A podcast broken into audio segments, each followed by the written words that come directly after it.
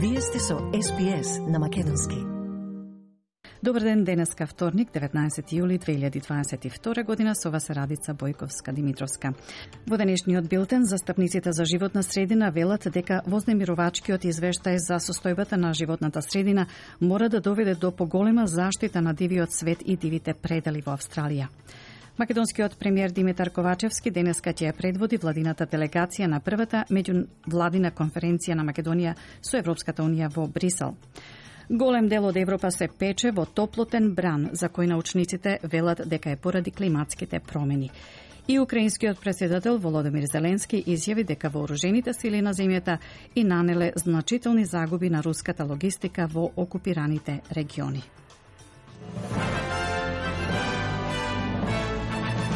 Долго очекуваниот владен извештај го детализира целосниот неуспех на Австралија да ги заштити природните средини и загрозените видови, велат научниците. Извештајот за состојбата на животната средина е задолжителна проценка што ја подготвува комисија од независни научници на секои пет години.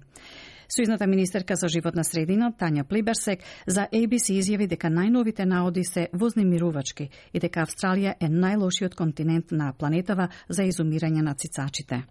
Well, this report is indeed very disturbing reading. It says that our environment is in a poor state and it's getting worse. And that if we don't change the laws and the systems that we have to protect it, that decline will continue. Some of the really disturbing stuff in here goes to um, species loss. Uh, you know, we're, we're one of the we're the worst continent on the planet for um, mammal extinctions. Последниот извештај покажа дека над 6 милиони хектари примерна шума се уништени од 1990 година наваму и дека 377 видови растенија и животни се прогласени за загрозени во изминативе 10 години. Во шумските пожари за време на така нареченото црно лето или Black Summer во 2019 и 2020 година изгореа повеќе од 8 милиони хектари автохтона вегетација, покажа извештајот и уби или пресели дури 3 милиарди животни. Водечки експерт за вируси вели дека новите варијанти на Омикрон не се однесуваат како што се очекуваше. Во најновиот скок на случај на Омикрон, бројот на заболени продолжува да се искачува. Доктор Норман Сон за ABC вели дека вирусот постојано се враќа, избегнувајќи имунитет. Проблемот е вели тој што имунолозите се се повеќе збунети со овој вирус за кој не се создава имунитет во заедницата како што се очекуваше. let, just put this in perspective. So BA4 and 5 does not seem to be more virulent than the previous versions of Omicron, except that more and more people are getting infected. And the more people get infected, even if it's a little uh, less virulent than, than Delta, you're still going to see hospitalizations. The problem is that immunolo- immunologists are increasingly perplexed by this virus. It's not behaving the way they expected. What you would expect is um, is that you would build up a, a community-based immunity to this virus, and it would become milder and milder as time goes on in terms of the impact on the community. That's not happening. It just keeps on coming back and evading uh, immunity. Доктор Свон додава дека ризикот за срцето и белите дробови не се намалува како што се очекуваше. Тој ги охрабрува луѓето да користат маска од типот N95 наместо популарните хируршки маски. Минатата недела министерот за здравство Марк Батлер рече цитат милиони случаи се предвидуваат во следните неколку недели. Здравството на Нов Јужен Велс денеска објави 13.544 нови инфекции во изминатите 24 часа. Во Викторија бројот на инфекции е 12.201.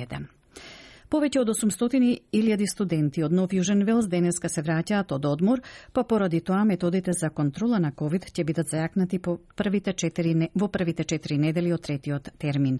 Се охрабрува носење на маски во училиштата, а ќе бидат обезбедени и дополнителни 9 милиони брзи антигенски тестови.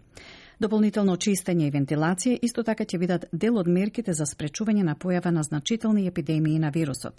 Заменик секретарот на групата во оделот за образование во Нов Јужен Велс, Симон Уокер, вели дека целта е да се вратат учениците во училница, но дека оделот не може да го исклучи учењето од далечина, за кое вели ќе се случи само во околности на значителен ризик. Our aim is to get um, our students back into classrooms uh, and that's where they want to be. They've been on school holidays now for a couple of weeks.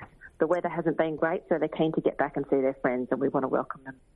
Советот на Европската Унија одлучи да ги започне пристапните преговори со Скопје и со Тирана, објави на Твитер чешкиот премиер Петар Фиала, чија земја председава со оваа институција до крајот на годинава.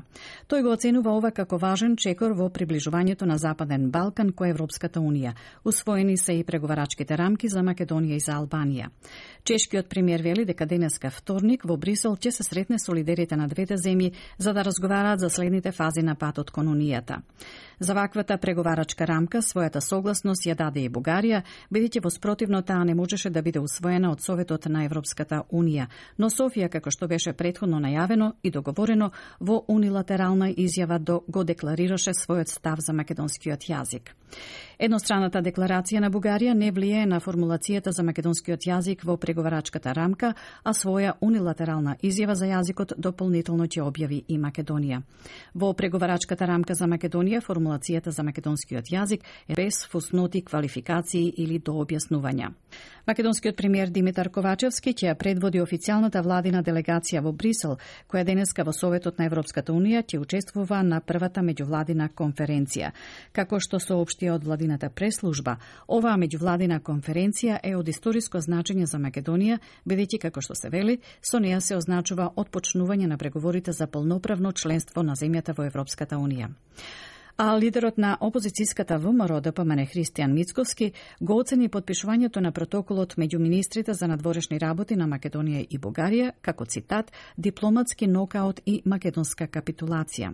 Македонската опозиција останува на ставот да не ги подржи уставните измени за внес на бугарите, а и понатаму бара промена на преговарачката рамка. За да Македонија ги почне преговорите, потребно е да се промени уставот. Во овој момент владата нема две третини, што значи дека предлог преговарачката рамка останува предлог преговарачка, не е усвоена. Голем дел од Европа се пече во топлотен бран за кој научниците велат дека е поради климатските промени. Температурите се искачија над 40 целзиусови степени во некои региони во Португалија, Шпанија и Франција. Франција се подготвува за она што може да стане еден од најтоплите денови забележани досега, додека Британија се подготвува за температури над 40 степени за прв пат оваа недела. Порт паролот на Комисијата на Европската Унија Балаш Уивари вели дека комисијата им помага на погодените земји со противпожарни авиони. The Commission continues to work tirelessly to mobilize help to those in need. Now, in addition to the firefighting airplanes mobilized to Portugal, France, and Albania last week, the Commission deplo- deployed another plane from Croatia to Slovenia over the weekend to battle a fire in Nova Gorica.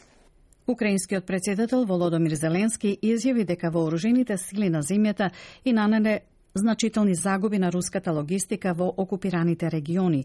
Зеленски вели дека руските војници биле принудени да напуштат над 1000 населени места, но уште две и пол илјади се уште се под непријателска контрола.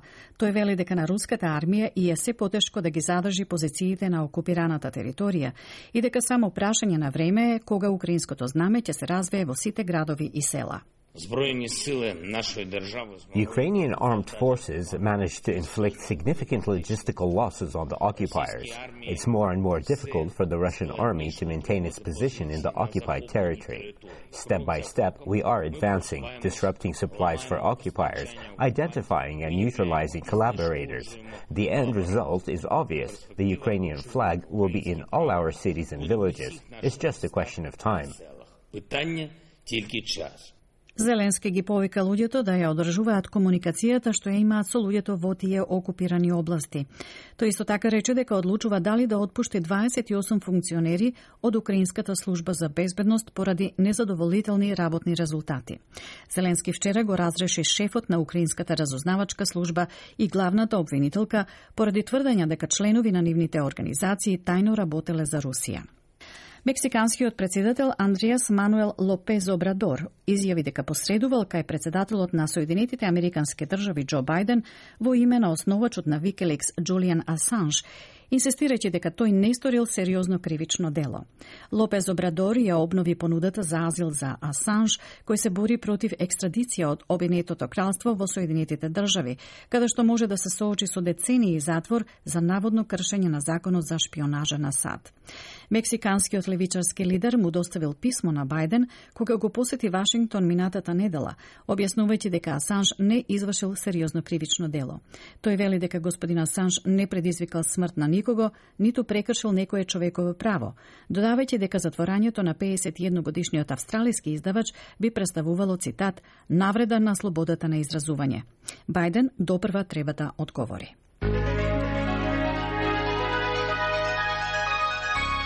Од најновата курсна листа, денеска еден австралиски долар се менува за 0,67 евра, за 0,68 американски долари и за 41,21 македонски денар, додека еден американски долар се менува за 60,43 македонски денари, а едно евро за 61,24 македонски денари. Еве онако со и временската прогноза за главните градови за утре, среда 20 јули. Перт врнежливо со максимално до 20 степен. Аделаид делумно облачно 14. Мелбун магла и слана наутро, а потоа сончево максимално 13. Сончево за Хобарт 11. Камбера делумно облачно 13. Сиднеј врнежливо 16. Призбен повремени слаби врнежи максимално 19. Дарвин сончево 30 и Алис Спрингс претежно сончево со максимално до 22 степени.